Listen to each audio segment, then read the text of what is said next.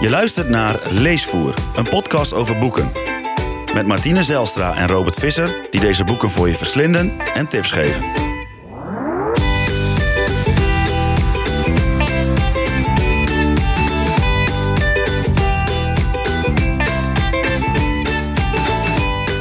Dit is Leesvoer, de podcast over lezen. Met deze week de introductie van Leesvoer. En wie zijn nou eigenlijk die presentatoren? Het boek van de week, de boekenluis en het Leesvoer verrassingsboek.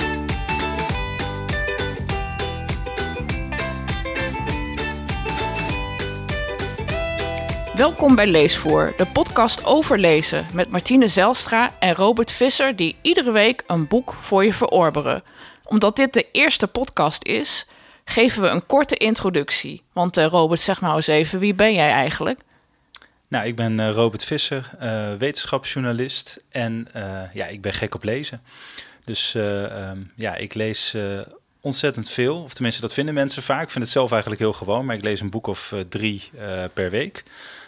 Puur omdat ik daar ontzettend veel plezier aan beleef. En echt van alles. Dus fictie, non-fictie, boeken over wetenschap. Je kan het zo gek niet bedenken als het me maar boeit. Daar, daar gaat het eigenlijk om. En ehm, ja, dat is eh, een beetje een notendop wie ik ben. 39 jaar oud.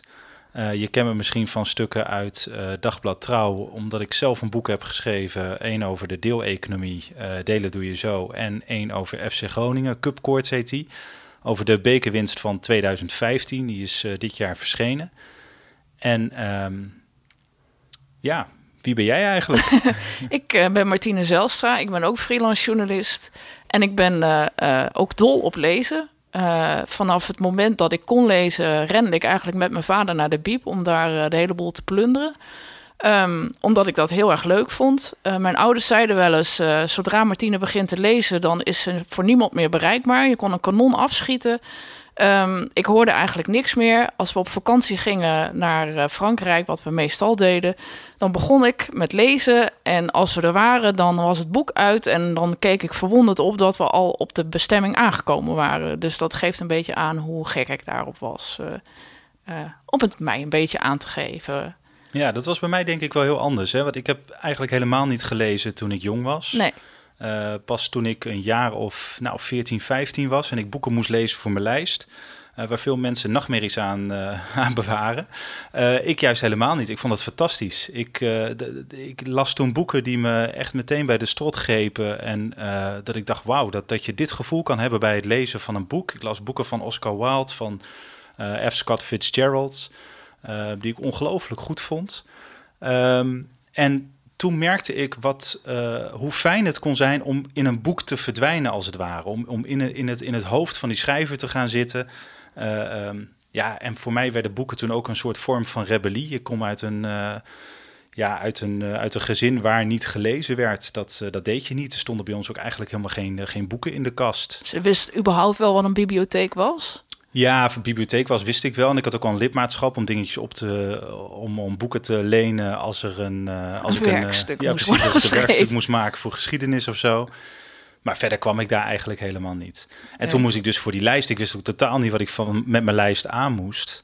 Eh, het was echt een soort paniekreactie van ja, eh, wat, wat moet ik dan lezen? En dan kreeg je zo'n eh, zo'n zo'n met z'n- eh, Zo'n A4'tjes standaardlijst met allemaal precies, boeken met nietjes erin. En eh, nou ja, dan koos je maar wat. En dan dacht ik, oh, Harry Mulisch en Hermans, daar heb ik wel eens van gehoord. Ehm, en ja, ik merkte toen hoe leuk lezen was. Eh, maar ook dat dat thuis eigenlijk eh, meteen voor, voor gezeik zorgde. Hoezo? Nou, mijn ouders vonden dat me helemaal niks dat ik aan het lezen was. Vooral mijn vader niet. Ik was een nogal opstandige puber. Ehm, En toen dacht je, ik ga rebelleren, ik ga lezen. ja, daar kwam het eigenlijk wel op neer. Voor mij was lezen een soort rebellie. En mijn vader moest daar ook helemaal niks van hebben. Ik heb een, nu een hele goede band met mijn vader, maar we botsten toen echt eh, als een malle. En hij zei, eh, eh, ja, je moet niet denken dat je al je alle wijsheid maar uit boekjes haalt. En wat zit je toch steeds te lezen?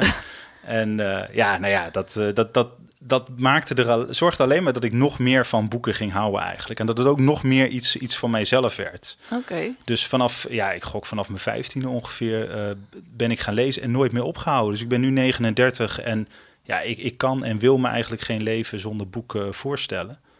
En Dus- eh, vertel eens, ehm, eh, nou ja, een podcast over lezen. Past dat dan ook een beetje in het straatje waarom je dit dan bent gaan doen?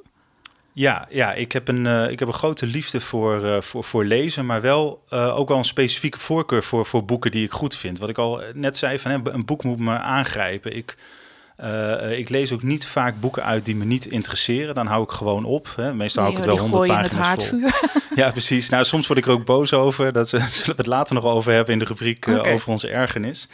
Um, maar uh, nee, ja, ik, ik, ik, lees vooral met plezier en ik zou dat enthousiasme graag willen delen. En het, het idee voor deze podcast ontstond uh, toen, um, uh, toen een paar vrienden eigenlijk begon, aan mij vragen begonnen te stellen van... hé, hey, ik wil wel lezen, maar ik weet niet wat. Ja, ik eigenlijk een... beetje hoe jij zelf vroeger was uh, als 14-jarig van help, help, wat moet ik hiermee? Precies dat. Ik, ik, die, die, die, het zijn mensen die komen wel, wel eens in een boekhandel... of anders in een Bruna of een ACO op een station. Ja. Zien dan allemaal boeken liggen en denken van... Oh, oké, okay, er ligt een boek van AFTH van de Heide, daar heb ik misschien wel eens van gehoord... of maar kiezen al snel voor het bekende. Voor de top 10 die eigenlijk al wordt aangeraden, uh, ja. omdat iedereen dat al koopt. Ja, en dat, uh, dat kan leuker, denk ik dan, als, ja. uh, als veel lezer.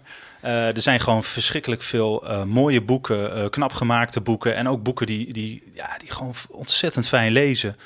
Um, die veel, veel interessanter zijn. Zijn er boeken waarvan jij nou zegt zelf van dat is echt een gek boek? Dat uh, zou nooit op de top 10 beland zijn bij de ACO of de Bruno, Bruno of uh, Bruna, sorry. Of uh, hoe het ook allemaal heten mag, waarvan je zegt van nou, dat, dat zijn echt leuke boeken. Die zou je echt vaker moeten lezen. Ja, dat zijn er een heleboel. Ik, daar, als ik, daar ik denk dat we dat. Nee, maar ik denk, ik bedoel, hou die gedachte vast. Ik denk dat dat precies is wat we met deze podcast willen doen. Hè? We willen eigenlijk, uh, dus soms zullen boeken wat bekender zijn. We gaan het vandaag hebben over de ontdekking van Urk. Uh, um, dat boek zullen mensen al wel een beetje wat over gehoord hebben. Ja. Dus, dat, dus dat doen we ook. Maar we zullen ook met specials komen. En ik ben nu bijvoorbeeld een boek aan het lezen over de Waddeneilanden, wat uh, bij een hele kleine uitgeverij is verschenen en uh, waar je binnenkort uh, in, in, een podcastaflevering meer over hoort.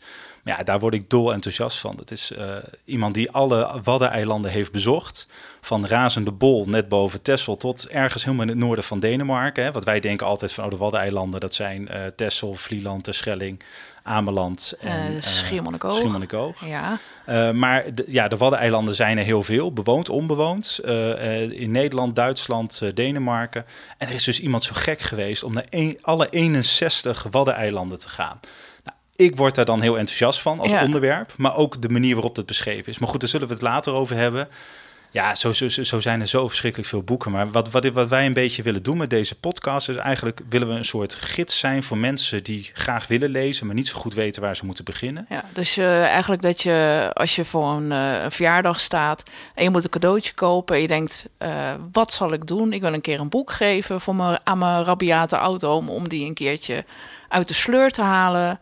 Dan of voor jezelf, dat je dan een, een boek krijgt waar je uh, nog niet zo snel aan gedacht zou hebben. Ja, ja. En een boek wat je eigenlijk uh, verrast en uh, dan positief verrast. dat, dat, is, dat is wel fijn, hè? Ja, ik denk dat je wel iets, iets, iets goed zegt. Want het is niet zo dat ieder boek bij iedereen past. Dus nee. dat zullen we ook een beetje proberen te, te benoemen. Hè? Van wat, welk boek is nou, voor wie is dit boek nou geschikt?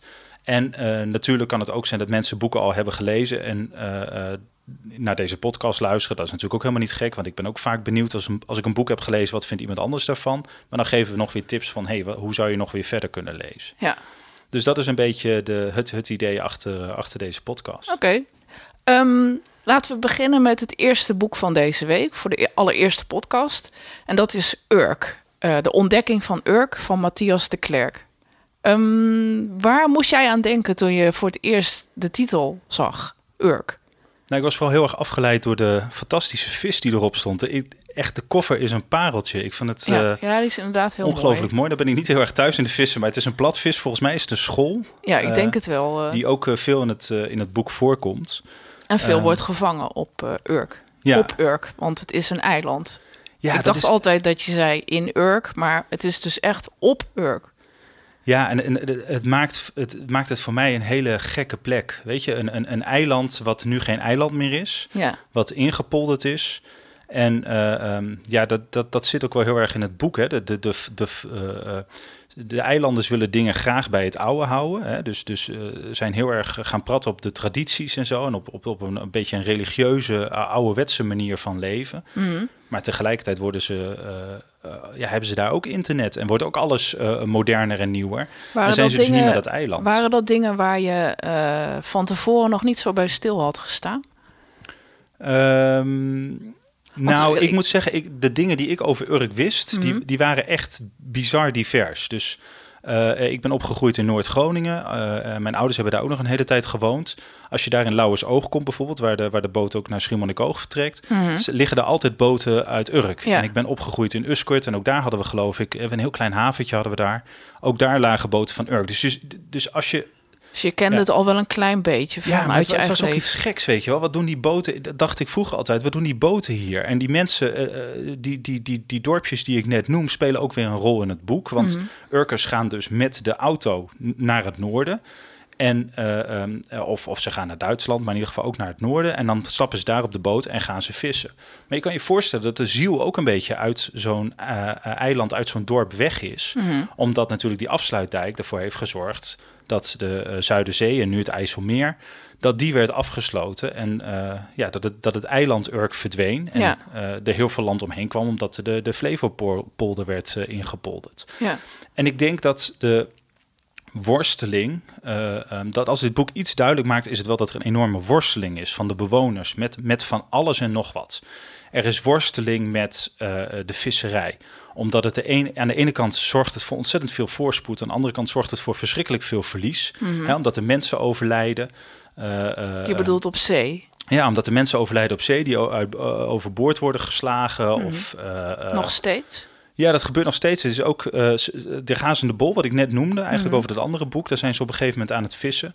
En daar, eh, het zijn twee mensen, geloof ik, hè, die overboord eh, In het boek, gaan. ja. Ja, ja. Klopt. En eh, ehm, ja, dat is. verbaast me eigenlijk een beetje, want ja, door alle technologie die tegenwoordig mogelijk is, dan denk je toch wel te weten van waar het heel hard kan stormen en waar niet. En dat je dat soort plekken misschien juist moet vermijden. Maar uit het boek blijkt dat ze toch wel dat soort gebieden ook nog steeds opzoeken. En eh, ja, dat er dan toch wel hele eh, grote rampen kunnen gebeuren. Dat mensen echt eh, nog steeds in deze tijd overboord slaan. En, of in het ruim blijven zitten en dat de boot zinkt. En dat niemand weet wekenlang van waar die mensen gebleven zijn. Eh, vond ik toch wel opmerkelijk, omdat Nederland zo'n klein gebied is. En het gebied waar ze dan aan het vissen zijn op zich ook nog niet zo heel groot is. Maar dat dat dan toch ja, nog steeds gebeurt. Voor mijn gevoel was dat altijd iets wat heel lang geleden gebeurde. Maar ja, uit het boek blijkt nog steeds wel. eh, En het geeft ook wel iets aan over het harde bestaan, vind Ja. je niet? ja. Die, eh, de journalist die het heeft geschreven, die we nog helemaal niet hebben geïntroduceerd, maar het is geschreven door een Belgische journalist, eh, Matthias de Klerk, gaat op een gegeven moment ook mee om te vissen eh, eh, op school. ja. En ik geloof dat er ieder uur of ieder anderhalf uur gaat er een belletje van dat de netten naar binnen moeten worden gehaald. Dag en nacht. Hè? Dag en nacht. Ja. En, en echt dagen achter elkaar. Ja, de hele Ehm. week door. Eigenlijk vanaf eh, zondag, nou ja, niet zondag, maandag. eh, zodra het maandag is, dus één minuut over twaalf, dan gaan ze geloof ik aan boord. En dat ze dan eh, tot vrijdagavond eigenlijk pas dan weer terug zijn op Urk. Ja, en dan, en dan dus anderhalf uur lang belletje horen en dan moeten vissen. Ik zou daar geloof ik echt helemaal gek van worden. Jij? nou ja, van jou weet ik het wel zeker. Als jij niet uitslaapt, ben je sowieso al niet te genieten. Nee, is ik weet niet hoe het is als je s'nachts wakker gemaakt wordt. ik Ehm, beter van niet. Nee, nee, dat denk ik ook. Maar eh, eh, Matthias de Klerk, die, die auteur, zegt op een gegeven moment ook van... ik wist niet dat er zo hard gewerkt werd Nee. voor het scholletje wat ik op mijn bord vind. En dat vind ik, wel, vond ik, vind ik wel heel goed, dat hij ook, ook dat soort dingen opzoekt. Ja, ik denk dat ook de kracht van het boek is dat je ehm, aan alles wat hij schrijft merkt dat hij daar echt een half jaar lang ingedoken is. Ja. Want hij heeft dit eh, bedacht omdat hij eh, als jong broekie, als jong journalistje, eh, een opdracht kreeg om in Urk een verslag te maken van een kind dat vermoord is aangetroffen, geloof ik. En hij daar iets over moest schrijven. En dat hij het achteraf gezien zo stom vond wat hij daarover geschreven had, omdat het zo moeilijk is om eh, eh, binnen een, een, een, dag of anderhalf uh, een verhaal te moeten schrijven over iets wat zo ingewikkeld is. En dat hij dacht, ik wil terug. En dat hij eigenlijk een half jaar lang, geloof ik, op het eiland zelf, of het voormalig eiland gewoond heeft. En eigenlijk met iedereen zo'n beetje heeft gesproken die daar rondloopt. en dat je gewoon aan alles merkt.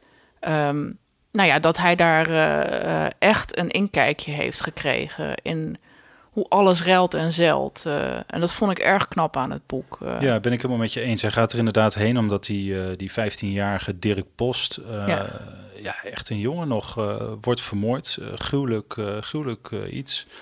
En um, ja, hij gaat er dan heen om gewoon even snel een stukje te schrijven, ja. zoals zoveel journalisten dat doen. En hij heeft wel door dat het een andere plek is dan andere dorpjes en steden in België en Nederland. Dus dat, dat fascineert hem wel, maar hij snapt ook dat hij het niet kan doorgronden. En dat blijft eigenlijk maar door zijn hoofd spoken. En nu, tien jaar later, is hij dus een half jaar gaan wonen. Ja, en wat, hij, hij, ik vind het heel goed van hem dat hij zich kwetsbaar opstelt. Dus hij zegt ook van dat stuk van mij van tien jaar geleden was gewoon helemaal niet goed. En hij wil het ook voor een deel weer goed maken, maar ook voor een deel komt het gewoon puur uit fascinatie van wat, wat, wat zijn dit voor mensen? Wat is dit voor gemeenschap? Dat probeert hij de, te doorgronden. Wat denk jij dat het voor een gemeenschap is? Ik denk dat het, uh, als je één ding meekrijgt uit dit boek en waarom het van begin tot het eind echt boeit, is dat het heel gelaagd is. Mhm.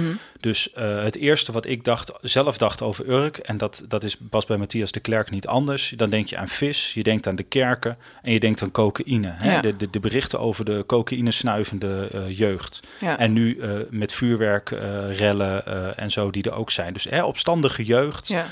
Ouders die heel streng gelovig zijn, of nou, die jeugd waarschijnlijk ook hoor, maar in ieder geval hele streng gelovige mensen. Um, en de vis natuurlijk, waar we, het, waar we het ook al uitgebreid over hebben gehad. En al die dingen kloppen. Dus het, het zijn een soort clichés over het eiland. Mm -hmm. En het is niet dat hij zegt van hé, hey, dit bestaat allemaal niet. Want ja, er wordt echt uh, uh, er zijn echt feeststraten en zo waar, waar heel veel gedronken wordt, heel veel gesnoven wordt. Maar hij laat wel een meerlagigheid zien van dat dorp. Ja. Dus ook bijvoorbeeld bij de kerken, er zijn er geloof ik 25 in totaal. Ik dacht dat er wel meer waren, toch? Uh, tenminste, volgens mij zijn we op een gegeven moment gaan turven en dat het er wel meer dan 25 waren. Ja, ik, ik, ik, ja, ik neem het meteen van je. maar hij is in ieder geval bij alle kerken is hij geweest. Ja. En um, ja, zelfs daar merk je van, je hebt de hele lichte kerk, je hebt de hele zware kerk. En hij maakt op een gegeven moment volgens mij ook een soort op opmerking van, Urk is eigenlijk geen eiland, maar het is een archipel. Want rond al die kerkjes heb je, zijn eigenlijk allemaal kleine eilandjes. Ja. En mensen die ook niet echt met elkaar praten. Dus uh, um, dat is ergens ook wel bizar als je zo'n kleine gemeenschap bent en dan toch nog uh, eigenlijk geen contact hebt met andere mensen ja, die dan lichter geloven dan dat je zelf doet. Ja, dat, dat is al apart. Maar het laat dus ook zien dat op het moment dat jij en ik uh, aan Urk denken en wij denken aan de kerk. Ja, dan denken we waarschijnlijk aan een hele strenge variant. Ja, waar precies. je in uh, zwarte kousen naartoe gaat en uh, waar niks mogelijk is. Ja, dus je denkt, of, of je misschien denk je aan een lichte. Maar het zijn dus allerlei schakeringen. En hij laat eigenlijk zien van wat is nou de morris bij welke kerk? Hoe gaat het eraan toe? Mm -hmm. um, en, en dat, vind ik, uh, dat vind ik heel erg leuk. En datzelfde geldt met de, de vis. Hij heeft echt mooie verhalen over. Uh, uh, en ook hele gruwelijke verhalen. Hè, zoals die, die mensen die zijn omgekomen bij Razende Bol. En zo zijn er meer van dat soort verhalen. Dus het zorgt voor, voor hele verdrietige dingen. Maar het zorgt ook voor hele mooie dingen. Want, Zoals? Um, het zorgt bijvoorbeeld voor enorme welvaart uh, in het dorp. Uh, uh, vooral na de Tweede Wereldoorlog. Dat er veel gevist wordt door Urkers die dat ontzettend goed en, en, slim doen. En dan die vis beginnen te exporteren mm. naar Amerika en naar Israël. Dat zorgt voor enorme voorspoed en wil. Dus ze verdienen zo verschrikkelijk veel geld dat ze eigenlijk niet weten wat ze ermee moeten doen. Weet en, je waar ik aan moest denken? Uh, omdat ik het, het einde staat mij nog vooral bij uh, als het over het vissen gaat. Dat je in eerste instantie het verhaal krijgt te lezen van uh, nou, wat, waar we het net ook over hadden, van dat anderhalf uur lang een belletje gaat. Maar ik had mij nooit gerealiseerd dat in Urk een soort multinational is ontstaan van dat ze ook vis importeren van over de hele wereld en dan verwerken in Urk. Uh, dat het zo geglobaliseerd is, uh, dat, daar had ik me nooit uh, bij stilgestaan dat dat een Urk zo was. Omdat je toch altijd een beetje het idee krijgt dat het een dorp is wat heel traditioneel aan het vissen is. Waarbij allerlei boten uitvaren. En eigenlijk werkt het merendeel van de mensen meer in de visverwerking dan als visser zelf. Ja, en dan zijn dus al die bedrijven zijn weer, eh, zoals ik het heb begrepen hoor, allemaal weer aan elkaar verbonden. Dus Ja. je hebt allemaal verschillende bedrijfjes, dus het is ook niet één of zo. Maar ook daar zit weer een gelaagdheid in, die Ja. vaak ook weer verbonden is met de, met de kerk. Maar ook eigenlijk zou ik bijna zeggen met een soort machtsstructuren of zo. Ja, Hè, dus de, de, de, de meest eh, invloedrijke families, die zitten weer bij bepaalde kerken. Daar hangen weer andere mensen onder, die ook weer werken, ook weer bedrijfjes hebben of daar weer werkzaam zijn. Dus het lijkt bijna alsof er eh, machtsstructuren in dat dorp eh, ehm, zijn die, die... En daar krijg je... Kijk, weet je, dit is, dit is allemaal zo gesloten, eh Urk. En het staat zo ver van mij af. Ik ben, ik ben er zelf nog nooit geweest. nee. Maar je krijgt echt een inkijkje van Matthias de Klerk. Hij geeft je een inkijkje in hoe, hoe het daar werkt. Ehm, en eh, spreekt zo verschrikkelijk veel mensen dat, eh, eh, dat dat volgens mij het meest waardevolle is van het boek. Het is, het is zoveel meer dan alleen maar observeren. Hij analyseert ook eigenlijk ontzettend goed. Een van de dingen die ik het meest interessant vond, was wat de Klerk het Urke paspoort noemt. Wat bedoel je Dus- daarmee? Nou, we hebben allemaal een paspoort, hè? waarschijnlijk wij in ieder geval allebei van, van Nederland. Mhm. Ehm Urk heeft natuurlijk niet een eigen paspoort, maar hij noemt dat wel een- een paspoort.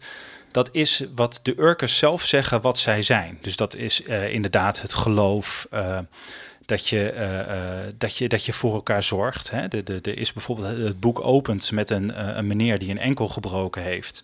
En daar is Matthias de Klerk dan op bezoek. En dan moet hij voortdurend de deur open doen Mm. om, om, om Om weer soep aan te nemen. soep, carbonades, eh, bloemen. waarschijnlijk, Ja, ja. vis. Ja, echt van alles. En die man zegt op een gegeven moment van neem alsjeblieft wat mee, want ik krijg het allemaal niet op. Maar dat is echt de allermooiste kant, zou je kunnen zeggen, van Urk. Mensen zorgen voor elkaar, helpen elkaar. Ehm, dus dat, dat zullen zij zelf ook heel erg zien als het Urker paspoort. Hè? Ja. Van onderdeel van je helpt, je bent één gemeenschap. Dat is eigenlijk En- het voordeel van een Urker paspoort. Ja, en, ook zeggen. als er dus iemand verongelukt, eh, zoals op die, op die eh, boot, dan Mhm. is er een, eh, een tocht door het dorp heen. Wat, wat, ja, als je dat leest, krijg je ook gewoon kippenvel. ja, waarbij mensen elkaar echt steunen. ja, ja. Ja. En, en, en dat je ook het gevoel voor gemeenschapszin is heel groot. Er staat een monument waarop omgekomen vissers eh, eh, worden herdacht. Ehm, ja, dat, dat, dat is allemaal, dan is het dorp eh, echt één.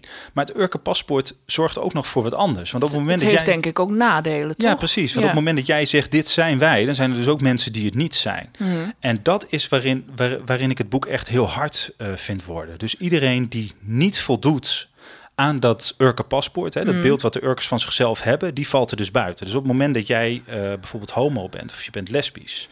Ehm, of jij hebt een ander geloof. Je bent Mhm. atheïst, eh, je hebt geen geloof. Of je bent moslim.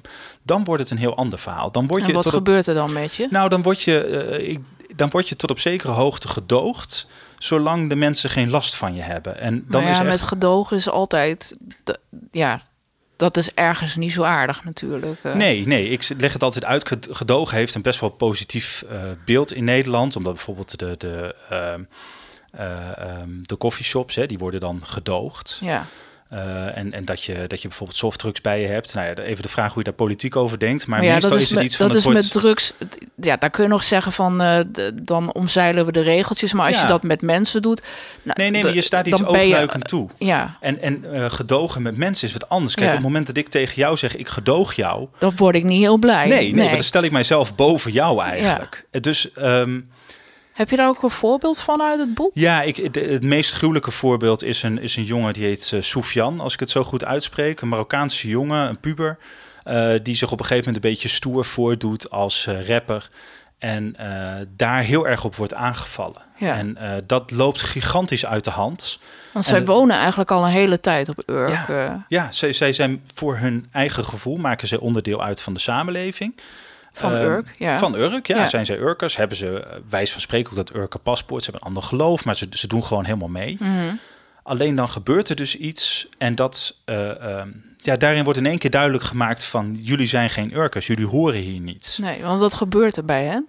Nou ja, ze worden, ze worden aangevallen. Eh, zelfs zijn moeder krijgt uiteindelijk klappen in, ja, in huis. in hun eigen huis, hè? Ja, in Ja. hun eigen huis. En echt een gruwelijk iets. En ook door een hele grote groep. En die, ja, die mensen die in die groep zitten, wat ook wel voor- vooral weer jongeren zijn, die verschuilen zich eigenlijk achter de groep. Ja. Hè, dus je krijgt weer van wij, wij tegen zij. Ja. Uh, uh, en het lijkt net alsof de individuen niet meer bestaan. Maar ze heel erg zeggen van ja, wij, wij staan hier met 200 man buiten. Hè, willen die nou allemaal jou uh, de keel doorsnijden? Of willen ze alleen wat klappen geven? Of komen ze alleen kijken? Is ook niet duidelijk. Nee. Maar in ieder geval, er worden dus wel flink, flink klappen uitgedeeld.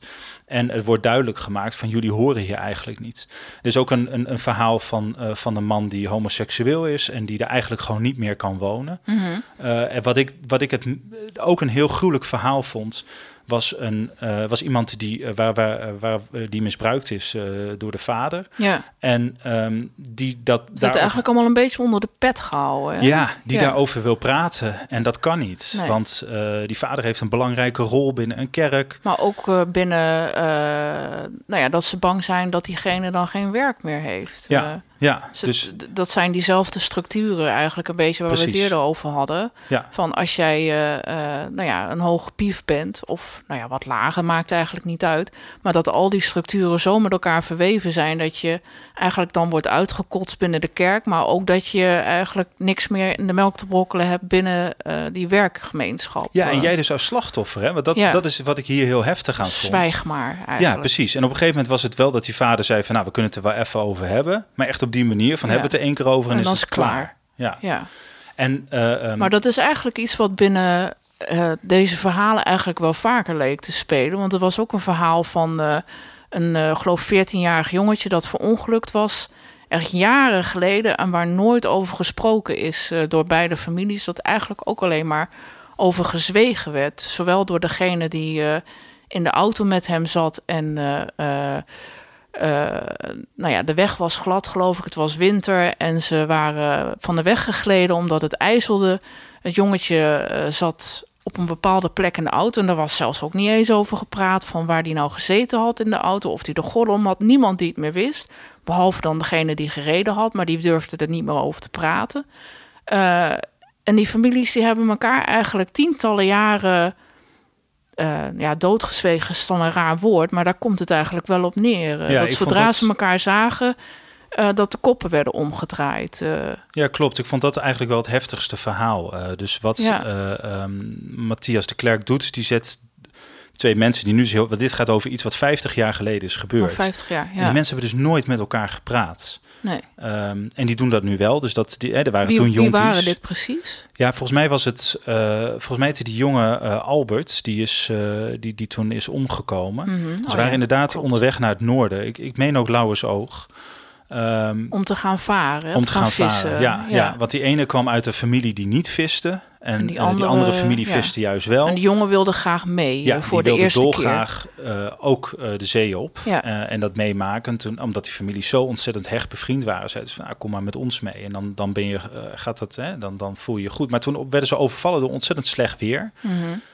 En er waren ook allerlei Urkers ook verder onderweg. Eh, en daar is, het ook, daar is het op zich allemaal goed mee gegaan. Maar die zeiden dat ook van, hè, het, het weer zag er op zich niet slecht uit eh, toen we vertrokken. Maar dat sloeg echt om. Ja, Dus het is heel noodlottig en heel tragisch. ja. Maar inderdaad, wat jij zegt, er werd daarna eigenlijk niet over gepraat. Dus waar je, eh, kijk, je, je, je kan het niet ongedaan maken, natuurlijk niet. Maar je kan er wel met elkaar over praten en eh, proberen. een plek op die geven, ja, op die manier te dat verwerken. mogelijk is. Ja, En dat werd dus eigenlijk niet gedaan. En ehm, waar ik een beetje aan moest denken, is dat er wordt in Urk, eh, en ik denk dat dat op meer plekken zo is hoor, dus echt niet alleen op Urk. Mhm. Maar er wordt zoveel onder het tapijt gemoffeld dat als je daar een tapijt had liggen, dat het een soort berg was geworden. ja. Eh, en dat geldt dus inderdaad voor heel veel dingen waar we het hier over hebben. Ehm, en ehm, En ja, en, en het knappe vond ik eigenlijk ook dat hij die twee mensen die echt die tientallen jaren niet met elkaar gepraat hebben, dan juist wel met elkaar laat praten. En ja, dat dat dan. Er worden niet eens zoveel woorden bij gebruikt, maar dat het toch ergens nog oplucht van dat ze allebei een verhaal eh, kunnen doen, maar dat ze zo zenuwachtig zijn voordat het gebeurt, Ja. dat je eh, ja, de spanning bijna om te snijden is. En als het gesprek dan is afgelopen, nou, ik denk dat eh, het hele gesprek nog geen half A4'tje is, maar dat het dan toch ja, iets van opluchting is. Van dat hadden we eerder moeten doen.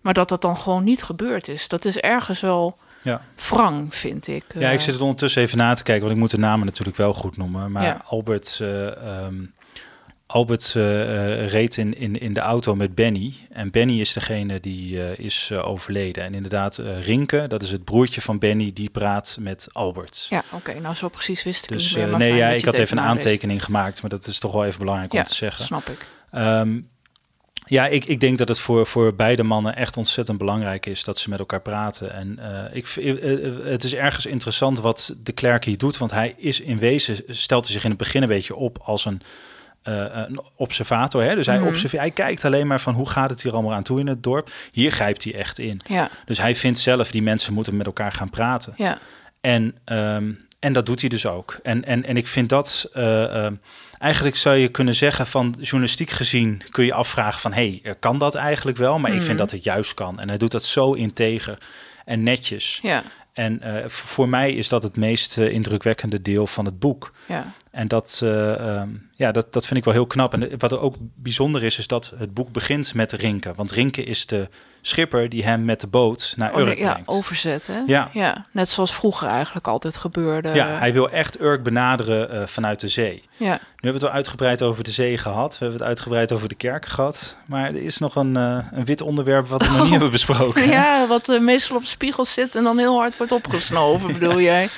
Ja, weet jij misschien meer van dan ik. Maar Nou, nee, dat niet. Maar eh, ja, het was wel een fascinerend eh, onderwerp. nou, om, wij eh, hebben daar wel een beetje, kunnen we gewoon eerlijk zeggen, we hebben van tevoren wel een beetje lacherig over gedaan. Hè? De- omdat je, ehm, dat je zelf het idee hebt van het is iets hypocriets. Als jij eh, het beeld van Urk is inderdaad, hè, je hebt ook nog wat die klededracht en de conservatieve samenleving en dan ook heel erg gelovig. En dan hebben ze een cocaïneprobleem. Ja, ja dat, Nou. daar associeer je het wel mee, dat dat Ja, dan je- een probleem is. Ja, en je doet daar ook een beetje lacherig over, Ja, toch? ja. En dan lees je dit boek en dan eh, klopt dat gewoon grotendeels. Hè? Want, Ja. want eh, hij, en ik, ik, ook dat vond ik zo ontzettend interessant. Er zijn dus een soort, eh, er is dus een straat met allemaal garageboxen, of het is een beetje industrieterreinachtig. Ja.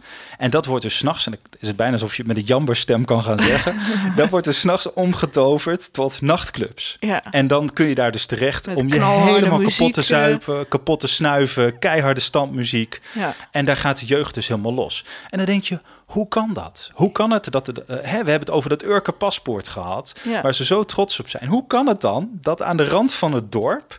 In, in, in Nou, maar hij de beschrijft- meest troosteloze plek Ja. die er ook is eigenlijk. Gewoon, het ziet er ook lelijk uit. Eh, Waar eh, waarschijnlijk nog een vislucht hangt ook. ja, en waar ze dan inderdaad tussen de visverwerkersbedrijven zitten dus nachtclubs die vooral bedoeld zijn om zoveel mogelijk te, te drinken en te snuiven. Hoe kan dat nou? En hij zegt eigenlijk twee dingen erover. Hè. Eén, het is heel erg een macho cultuur, juist Ja. ook door die visserij. Mensen zijn ook heel erg gespierd op Ja, Urk. opgepompt. eh, Ja, ja, dus de, het is heel belangrijk dat jij er stoer uitziet en ook een beetje stoer, eh, stoer doet en stoer praat.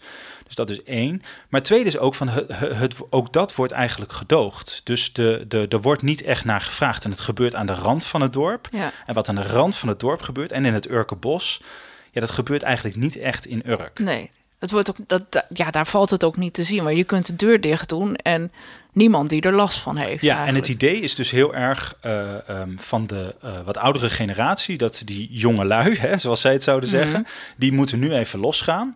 En dan eh, later gaan ze wel weer in het gereel. Dus dan gaan ze wel weer echt naar gaan de ze wel kerk weer en trouwen dan gaan naar de ze wel- kerk. Precies. Maar ja, ze gaan nu eigenlijk ook nog steeds naar de kerk. Want er zijn Ja. ook jongeren die hij interviewt en die zeggen dan van, ja, ik ga nu helemaal los. En eh, ja, dan heb ik de keuze uit eh, of ik ga uitslapen en dan ga ik met de middagmis eh, eh, zit ik dan erbij.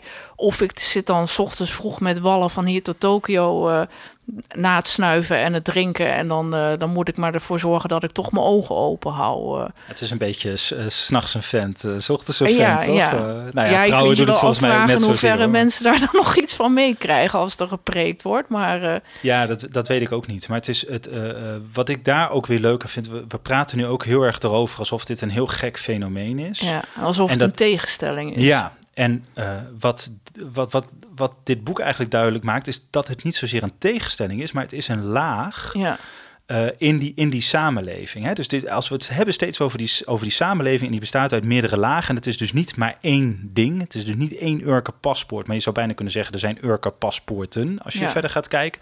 Dit is dus een van die bladzijden uit zo'n Urker paspoort. maar weet je wat het is? Ik begrijp ergens wel dat mensen het als een tegenstelling zien. Ja. Omdat als jij in de kerk bent, dan wordt er wel een soort leven gepredikt. Waarbij je aan de regels moet houden, waarbij je vroom moet zijn en waarbij je wat voor andere mensen over moet hebben. En waarbij je niet te buiten gaat aan eh, weet ik het wat allemaal, eh, eh, snuiven, drinken enzovoort enzovoort. en dat is natuurlijk wel iets wat gebeurt. En Ja, waarbij tuurlijk. mensen misschien ook wat in de knoop van kunnen raken als, als het ideale leven wat jou wordt voort, eh, eh, wat, wat, je- wat je wordt voorgezet, ja, dat dat een vroom leven is. Ja, maar is het niet juist naïef om te denken dat het daar niet gebeurt? Kijk, weet Nou je, ja, wij wonen hier in waar. Rotterdam. Hier wordt ook gesnoven. ja, hier dat wordt weet ik, maar hier zal niemand je erop aankijken als jij dat doet. Nou, vast als je het op de verkeerde plek ja, doet. ja. Nee, maar bij Rotterdam op, denk eh, ik... Nee, maar bij op Rotterdam heb schoolplein je... gaat doen, dan gaan mensen hier wel Ja, een nee, nee, beetje snap raar ik. Maar het is wel zo dat als je het over een grote stad hebt... Hè, en of het nou Rotterdam is, Amsterdam, Maastricht, eh, eh, Nijmegen, Den Helder... of, of van mijn part eh, Groningen, dat Ja. maakt verder niet zoveel uit. Je hebt meer het idee dat het daarbij hoort. Maar Ja. er zijn gewoon allerlei dorpjes... Maar ook dat het niet Eh, uitmaakt. Ja, ja of nou, Nou, dat, dat je niet echt een krijgt. nodig, Maar dat is dus eh. hetzelfde als in Urk. In Urk maakte dit deze ook niet uit. Nee, ik- dat is waar. En ik vond het zelf heel leuk, want hij, eh, eh, die auteur maakte op een gegeven moment een uitstapje naar Amsterdam. Dan gaat hij naar Dirk Korf. En Dirk Korf is geboren op Urk, heeft er tot zijn achttiende gewoond en is een hoogleraar criminologie Hmm, in, van de Universiteit van Amsterdam. ja. En die legt hij dat dan ook allemaal voor. En dan denkt hij min of meer van, nou, die gaat dan zeggen, ja, dit is echt een probleem, het is heel erg. Ja. Maar die, maar die zegt dat eigenlijk helemaal niet. Die Nee. zegt van, ja, weet je, de, de, de, de- wij Urk vinden is dit... eigenlijk net als alle andere Ja. eh, dorpen, steden. eh, het gebeurt hier net zo goed. Ja, dat eh. maakt het minder magisch misschien. Maar wel, ja, hij, hij, hij zegt eigenlijk van dit gebeurt overal. Hè? Dit, dit, dit- ik, ik geloof niet dat het er meer gebeurt dan anders. Ik geloof wel dat er op een andere manier over bericht wordt. ja. Dus dat, en ik denk dat daar wel veel in zit. En dat wij het gewoon moeilijk te rijmen vinden met het beeld dat wij van Urk hebben. En wat de Urkers zelf ook graag in stand houden. ja. Maar dat, voor mij is dat ook weer een voorbeeld van die meerlagigheid. Kijk, het gekke aan dit boek is dat het eigenlijk niet spannend is. Er zit geen plot in, je werkt niet ergens naartoe. En toch heb ik dit echt als, het leest als een trein. Ja. En waarom? Omdat je steeds weer nieuwe, je kan het zien als een puzzel. Je ziet steeds weer nieuwe puzzelstukjes van dat Urk. En je denkt in het begin van ik heb die puzzel wel ongeveer door. Mm. En eh, je vult het steeds meer in. Je krijgt steeds meer puzzelstukjes en dan denk je van dit is echt een mooie puzzel. Ja. En het wordt steeds mooier. En oh, wat een toffe kleuren. En oh, wat leuk. Oh, nu verschijnt er iets dat had ik eerder nog niet gezien. Dus je, naarmate je dingen meer eh, ziet, begrijp je het geheel beter. ja. En eh, dat... Maar ik Ja. vraag me soms wel eens af in hoeverre mensen op Urk dat zelf snappen. Want ehm, zoals hij zelf beschrijft, eh, als hij in zijn Airbnb-huisje zit, of waar in ieder geval het huisje waar hij verblijft bij die mensen op Urk, waar hij een half jaar zit. Eh, wordt hij wel heel erg in de gaten gehouden. Er wordt gekeken van eh, of hij op zondag geen eh, gekke dingen aan het doen is. De muziek draait hij niet meer af op zondag, want dan wordt hij, nou ja, dat wordt niet gewaardeerd. Dat wordt wel duidelijk. Mensen mensen kijken bij hem naar binnen, Ja. Mensen vinden het niet grappig. En ze hebben ook altijd het gevoel, tenminste als hij met ze praat, van dat ze elkaar in de gaten houden. Van eh, dat eh, de strenggelovigen eigenlijk eh, geen televisie mogen kijken. Maar tegelijkertijd dat ze wel allemaal internet hebben en de gordijnen in de slaapkamer mogen wel dicht. Dus dat, dat hij wel een donkerbruin vermoeden heeft dat mensen via internet dan toch nog op de hoogte zijn wat er allemaal op televisie gebeurt en in de buitenwereld. Het is wel alsof je de nostalgie eigenlijk van, nou ja, van hoe het leven op Urk vroeger was met de klededracht en eh, het vele naar de kerk gaan en het vrome leven. Alsof dat iets is wat een, een soort positief beeld is van Urk. En dat andere, ja, dat gebeurt wel, maar er wordt toch niet echt heel erg over gepraat. Nee, dat klopt. En je houdt ook inderdaad de gordijnen open, zodat mensen kunnen zien dat je niks te verbergen hebt. Ja, Maar die slaapkamer, daar mogen de gordijnen dan weer wel dicht. En Ja. daar kun je ook op internet. het dat lijkt is me een beetje ergens zijn... wel een beetje een vermoeiend leven als je dat zo in stand moet houden voor je buren en de rest van je leefomgeving. Ja, nou ja, hij zegt van als jij Urker wil worden, eh, ik weet ook niet of je dat kan worden zonder dat je er geboren bent hoor, maar als je daarheen wil, dan moet je eigenlijk een stukje van je eigen identiteit opgeven Ja. voor de groep. En ik denk dat hij daar wel een, eh, een, een heel goed punt heeft. En dat het ook een, een je kan het bijna zien als een soort keurslijf of, of een dwangbuis, als je het nog eh, negatief wil hebben. Ja. Ja, of een gevangenis. waar je, het is maar net hoe. Nou ja, kijk, weet je, Echt ik, ik, ik, heb, nee, ik heb dit boek ontzettend fascinerend gevonden. Maar het, het, deed mij ook zelf wel een beetje denken aan mijn eigen jeugd. Uh, ik ben opgegroeid in Noord-Groningen. Uh, ik ben geboren in de stad, maar ik ben daarna naar een klein dorpje gegaan, Uskert. Daar heb ik vijf jaar gewoond. En Uskert is zo'n beetje het laatste dorp van Nederland. Als je mhm. bij Uskert uh, heeft dus een eigen haventje, Noordpolderzeil, waar ook Urker visserschepen liggen. Ja. Nou, als je daar uh, van, de, uh, van het land afstapt, dan val je van de aarde af. Oh. Grap, grapje wat, we, wat, er, wat er wel eens wordt gemaakt. Het einde van de wereld is, er is weinig. Hè? Er is weinig bebouwing. Het is echt een klein dorpje. En het gekke was, ik was een geboren Groninger. Ik was vijf jaar oud toen ik daar kwam. Ik praatte met een Gronings accent.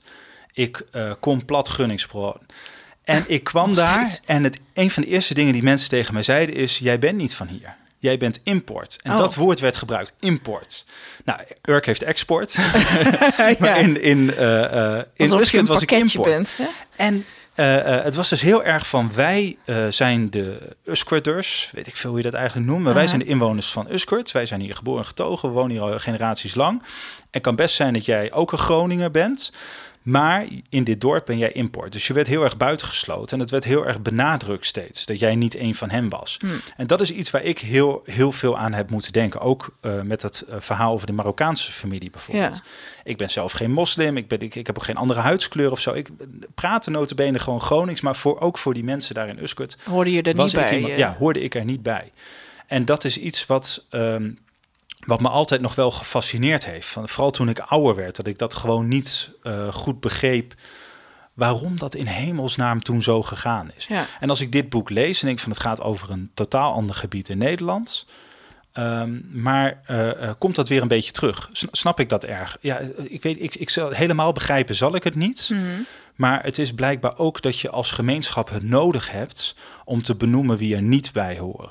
En dat is voor mij altijd iets negatiefs. Dus jij kan het Urke paspoort in Urk nog zo mooi maken als je zelf wil.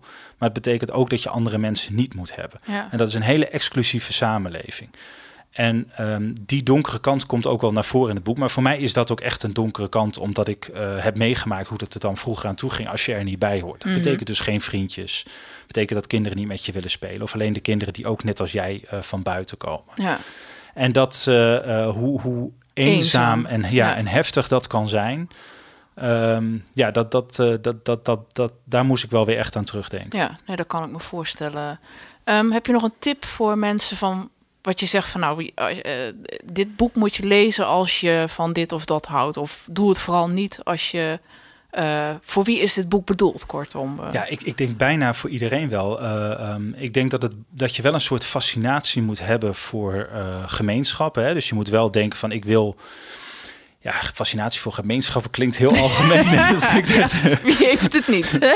Nee, maar weet je, het, het, is, het is een soort curiosum is het bijna. Hè? Je hebt een, een, een voormalig eilandje met allerlei hele gekke, diverse beelden die je, die je van dat eilandje hebt. En je moet het interessant vinden hoe mensen met elkaar omgaan, hoe ze op elkaar reageren. En dat zijn dus positieve dingen, het zijn negatieve dingen. Ja. En die negatieve dingen hebben we nu net wat aandacht aan besteed. Positieve dingen zijn er zeker ook, ook, ook gewoon hele grappige dingen. Hè? Want uh, op, uh, op Urk wonen, ik heb het even opgeschreven, 53 Jan de Boers, 45 Meindert de Boers en 42 Jan Posten. Nou, dat is niet te doen. Ik bedoel, nee. hoe hou je die mensen uit elkaar? Nou ja, uh, dat lijkt me ingewikkeld dan. Dus hebben ze allemaal bijnamen.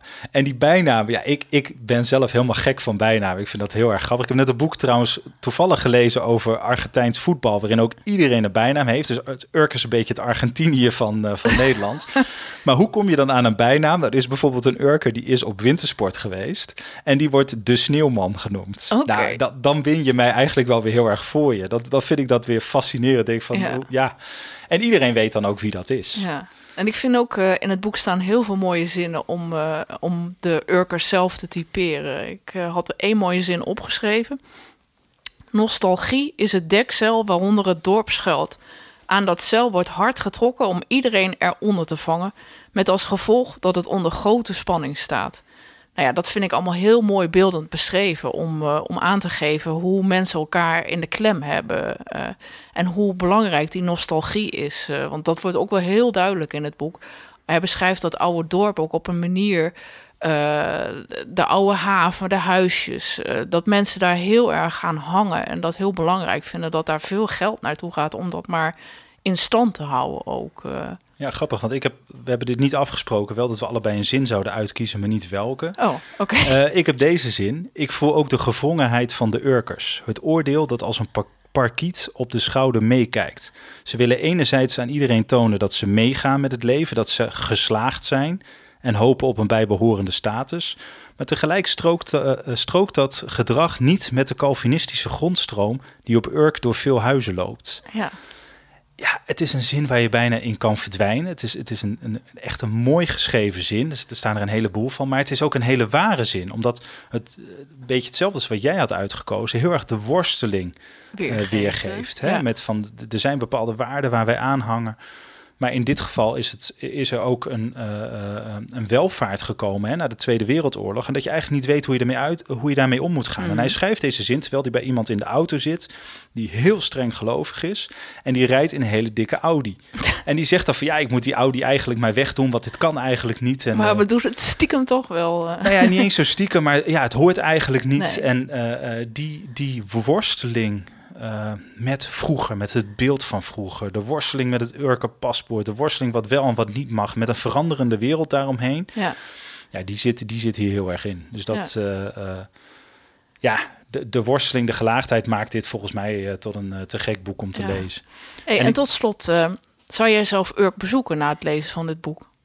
Ja, ik, ik wilde eigenlijk wel doorgaan. Dat Hey, het, het kan nu niet door corona. Of in ieder geval lijkt mij nu niet verstandig om Nee. erheen te gaan. Um, ik ga ieder jaar met een groep vrienden gaan we naar een havenstad. Uh, meestal wat verder weg en naar een, uh, nou niet altijd naar een warme oord, maar dat kan van alles zijn. Dus uh, Sint-Petersburg, Marseille zijn we geweest, Liverpool. En ik denk dat Urk ook eigenlijk wel een hele mooie kandidaat Ja, is. dat eh, denk ik ook Dus wel. ik ga dat een keer voorstellen. Um, ja, het, het, het, fascineert mij wel. Het is een. Ja, ik wilde eigenlijk wel eens heen. Ik ben ook gek op eilanden, dus misschien hè, als voormalig eiland lijkt het me ook interessant. Uh, zou ik er willen wonen als dat de volgende vraag van je nou, is? Dan zou ik meteen nee ik zeggen. Um, ik denk dat ik niet goed op Urk zou passen. Nee, dat denk um, ik ook niet. En, ik, en jij wel, denk je? Of nee, niet? nee, nee. Ik denk dat ik daar gillend gek zou worden. Ik vind het heel dapper van de, de journalist die dit geschreven heeft... dat hij daar een half jaar tussen is gaan zitten. Want het idee alleen al dat ik uh, iedere zondag naar de kerk moet... en dat uh, uh, een paar keer per dag dan op zo'n zondag... daar lopen de rillingen wel een beetje bij over de rug bij mij. Ja, jij bent gereformeerd opgevoed, hè? Dat is, is dat iets waar je veel aan moest denken? Ja, daar moest ik zeker wel aan denken. Dat, ja, dat mensen dan het idee hebben dat, dat ze voor jou wel weten wat het goede leven is. Ja, en dat je er zelf eigenlijk niet meer zo over na moet denken. Dat, dat, ja, daar moest ik wel aan terugdenken van nou, hoe dat vroeger bij mij ging. Ik zat dit boek te lezen en die moest in het begin al heel erg aan jou denken. Want in het begin uh, heeft hij geloof ik in een buurtkrantje of zo, zegt, zegt hij van... hé hey, jongens, ik kom in jullie dorp wonen mm -hmm. en ik, uh, ja, ik probeer Urk te leren kennen. En dan zet hij er ook een mailadres bij en een telefoonnummer. En dan krijgt hij dus allemaal berichtjes.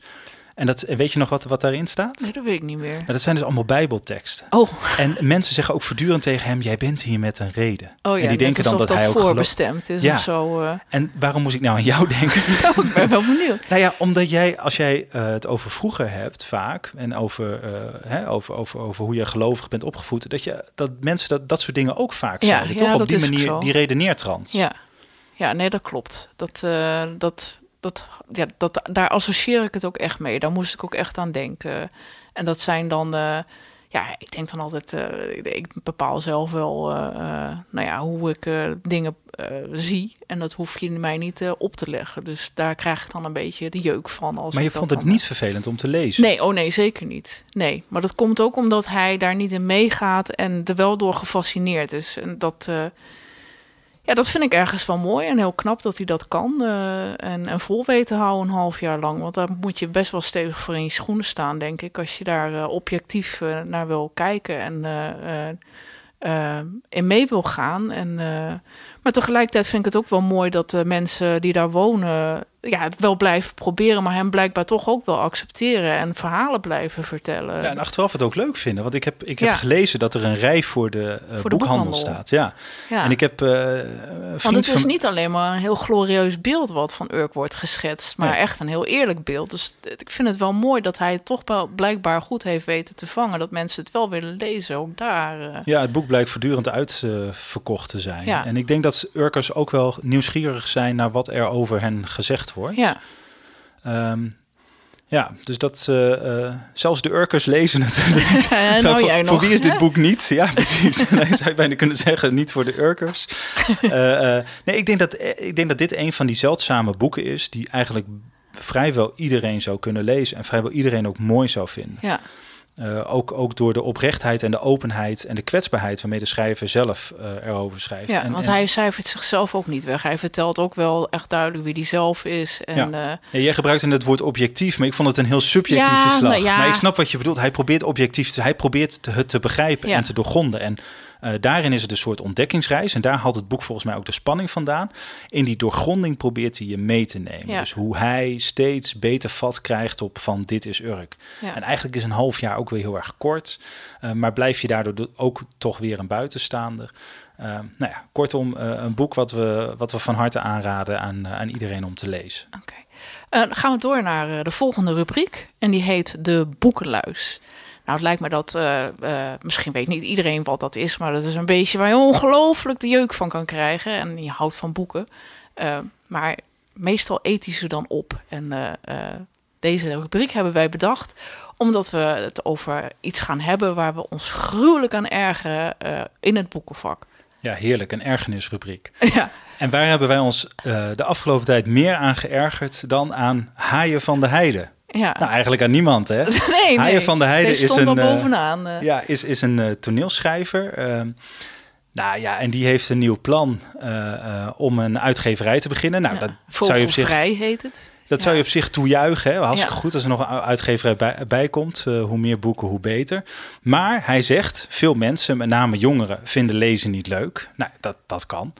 Uh, maar uh, zegt hij daarna van hij wil lezen leuk maken. En dan niet door goede boeken aan te raden. Dat is eigenlijk wat wij proberen te doen. Hè? Dus in die zin is hij een soort concurrent, zou je bijna zeggen. Ja, nee, hij wil het leuk maken door een Netflix van boeken te beginnen. Te, uh, en een uitgeverij als een Netflix van boeken te beginnen. Ja, die heel die, toegankelijk. Boeken die je binnen anderhalf uur uit hebt. Ja, en die dan 120 pagina's bevatten maximaal. Ja. En voor mij is dit precies wat er verkeerd is. Je moet niet uh, uh, willen denken voor de lezer. En uh, denken van, oh, we maken alles zo simpel mogelijk en we maken het super kort. En dan willen mensen wel lezen. Nee, je moet zorgen dat je boeken aanraadt. Of dat, er boeken, dat je boeken maakt die waanzinnig goed zijn, waardoor ja. mensen door willen lezen. Wat is het meest gelezen boek van de afgelopen decennia? Harry Potter. Oh ja. Nou, als je het ergens over dikke pillen hebt, dan is het wel Harry Potter. Nee, maar dat is gewoon ja, zo. Die heb je ook niet binnen anderhalf uur uit. Uh, nee, dat is geen Netflix-boek. Nee. Nou ja, misschien is het eigenlijk wel een Netflix-boek. Want Nou daar ja. zat ik aan te denken. Ik snap die hele vergelijking met Netflix ook niet. Nee. Wat kijk je het liefst op Netflix? Dat zijn... Uh, Binge-watch uh, Precies, series. je kijkt ja. series. Ja. En je kan die afleveringen van series... kun je als een soort hoofdstukken zien. Ja. Dus... Maar ik moet ook eerlijk zeggen, soms dan lees ik echt heel lang, maar soms lees ik ook heel, hele korte stukjes. En uh, zolang het maar leuk is, dan pak je het toch ook gewoon weer op. Dan hoef je toch niet alles binnen anderhalf uur lang uh, pff, maar door te gaan. En, uh... Nee, en het is, het is denk ik met Netflix net zo. Um, als met boeken. Ik, ik kijk dan zelf helemaal niet zo te veel tv. Maar ik vind bijvoorbeeld um, Stranger Things vind ik een fantastische serie. Dat is echt een, een, een science fiction serie, fantasy. Mm -hmm. Nou, om heel eerlijk te zijn, ik hou daar helemaal niet van. Dat nee. boeit me eigenlijk helemaal niet. Maar die serie is zo goed gemaakt dat het je toch weer boeit. En dat is met boeken misschien ook zo. Kijk, om de vergelijking te maken met Urk. Misschien denk je wel van, wat boeit Urk mij nou? Ja. Weet je, wat, wat, wat heb ik daar te zoeken? Wat moet ik daar nou over weten? Nou, en dan schrijft iemand zo'n boek erover. En dan heeft het je gewoon bij de klad. En dan denk je, hé, hey, wat, wat zouden ze hier in Urk van vinden? Zie je Urk, zie je dat vuurwerk uh, gedoe zie je op het nieuws. En dan denk je, oh oké, okay, uh, nou ja, dat, dat, dat, begin je beter te begrijpen waarom jongeren dat gelezen, doen. Als je dit boek hebt ja. gelezen. Je begint ook meer dingen te herkennen. Dat is wat goede uh, uh, literatuur, en dit is dan non-fictie, maar wat, wat, wat, wat een goed boek met je doet. Het, het, het, het grijpt je bij de kladden. Ja, maar het, het leert je ook iets. Hè? Je, je haalt er ook nog echt iets uit. Ja. En als jij alleen maar wil zeggen van ik wil alleen maar boeken maken van 120 pagina's, dat is niks. Dat Nee. zegt niks over de kwaliteit. Dat zegt niks aan hoe je, hoe, wat je iemand ervan uh, laat leren, hoe je iemand an, misschien anders laat nadenken of een andere blik gunt. Ja. En daar zit bij mij het Of hoe je iemand vermaakt. Ja. Ja, Ik bedoel, het kan het allemaal zijn natuurlijk. eh. ja. En, dus, en, en, hierbij, nou ja, bij Haaien van de Heides eh, eh, poging tot het populariseren van boeken... gaat het volgens mij alleen maar om vermaak en verder helemaal niks. Ja, ik denk dat de man gewoon ergens geld aan wil verdienen. Nou ja, Nou goed. ja, daarom, hij zegt zelf ook dat hij een hekel aan lezen heeft. En ik denk Ja, dan, ja, dat is hè? fantastisch. Ja, een hekel het aan lezen. niet, toch? Laat maar. Of luister naar deze podcast en leer, leer wat je wel moet lezen. Nee, Ja, nee, nee, laten we hopen dat hij niet luistert. Nee, maar ik vind het echt bespottelijk als je, eh, als je puur en alleen op het aantal pagina's afgaat. eh, eh, Ja, dat, dat slaat gewoon helemaal nergens nee, op. doe maar niet haaien. Laat nee, maar. nee, hou er maar mee op. Nou, komen we bij ons laatste punt. En dat gaat over onze leesvoeren. Eh, als je het zo leuk vindt om te lezen, eh, is het soms lastig van welk boek kies ik nou uit. Nou, we hebben nu een eerste eh, aanzet gegeven van wat dan misschien leuk zou kunnen zijn. Ehm, maar we hebben ook nog wat extra's. En dat is dat je eh, een tip krijgt van ons. Als een soort van nou ja, een leesclub. Dat je misschien zelf iets hebt gelezen wat je mooi vindt, wat je aan ons wilt tippen. Maar ook dat als je bijvoorbeeld een, eh, met je handen in het haar zit van eh, wat moet ik aan mijn rabiate oudoom geven? Of eh, ik heb nog een leestip voor mezelf nodig. Ik vind iets leuk, maar ik weet echt niet wat voor boeken daarbij passen. Je kunt ons ook mailen op Leesvoerpodcast.gmail.com en dan kiezen wij een boek voor je uit en sturen we naar je op. Ja, wij kunnen dus een boek. eh, we zullen dan wel wat vragen stellen. Hè? We noemen dat uiteraard. het, het eh, Het leesvoer verrassingsboek. Dus je kunt ons eh, ehm, een, een mail sturen met als jij verrast wil worden door een, eh, door een leuk boek. Ehm, we zullen dan inderdaad wat vragen stellen. Dus wat lees je graag? Wat is het bedrag wat je ongeveer uit wil geven? Waar hou je van? Wat zijn je interesses? En omdat wij eh, niet alleen gek zijn op boeken, maar ook op boekenwinkels, doen we dit in samenwerking met de kleine boekhandel Bos en de Jong ehm, in Rotterdam. Die zitten in de Phoenix Food Factory eh, op Katendrecht en hebben een eh, prachtige kleine, kleine boekhandel. En juist in eh, deze tijd kunnen, kunnen kleine boekhandels denk ik heel erg onze steun gebruiken. En we kunnen het natuurlijk gewoon laten opsturen. Dus dat, dat, dat is geen enkel punt. Dus stuur ons een mailtje als je mee wilt doen aan leesvoerpodcast.gmail.com. Bedankt voor het luisteren en hopelijk tot de volgende keer. En tot slot willen we, ja, voordat je helemaal afsluit, Oh ben te snel. willen, we, willen we nog wel even eh, iemand bedanken. Eigenlijk eh, twee mensen. Wij maken deze podcast samen, maar we hebben eh, ontzettend veel hulp gekregen van eh, Wouter Holsappel en Thijs Faber van KVM Media, een ja, geweldig podcastbedrijf uit Groningen. Zij hebben ons ontzettend veel tips gegeven en wij werken met heel erg veel plezier met ze samen. Ze hebben vooral heel veel technische tips gegeven. Ehm, en over hoe je, hoe je een podcast opzet. Dus eh, een eh, dikke shout-out eh, naar Thijs en, en Wouter. En ehm, nog, ja, ik heb toch nog een laatste vraag Oh ja, voor je, Martine. Wat, wat, wil jij, wat, wat ben je nu aan het lezen? Ik ben nu Walt van den Berg aan het lezen. Ah, met ruimte zeker. Ja, Nou, die heb ik toevallig ook net oh, uit. toevallig. Dus eh, grote kans dat daar eh, een volgende aflevering over gaat. ja, en eh, ik schat de hopelijk, kans redelijk groot in. hopelijk luister je dan weer. Oké, doei.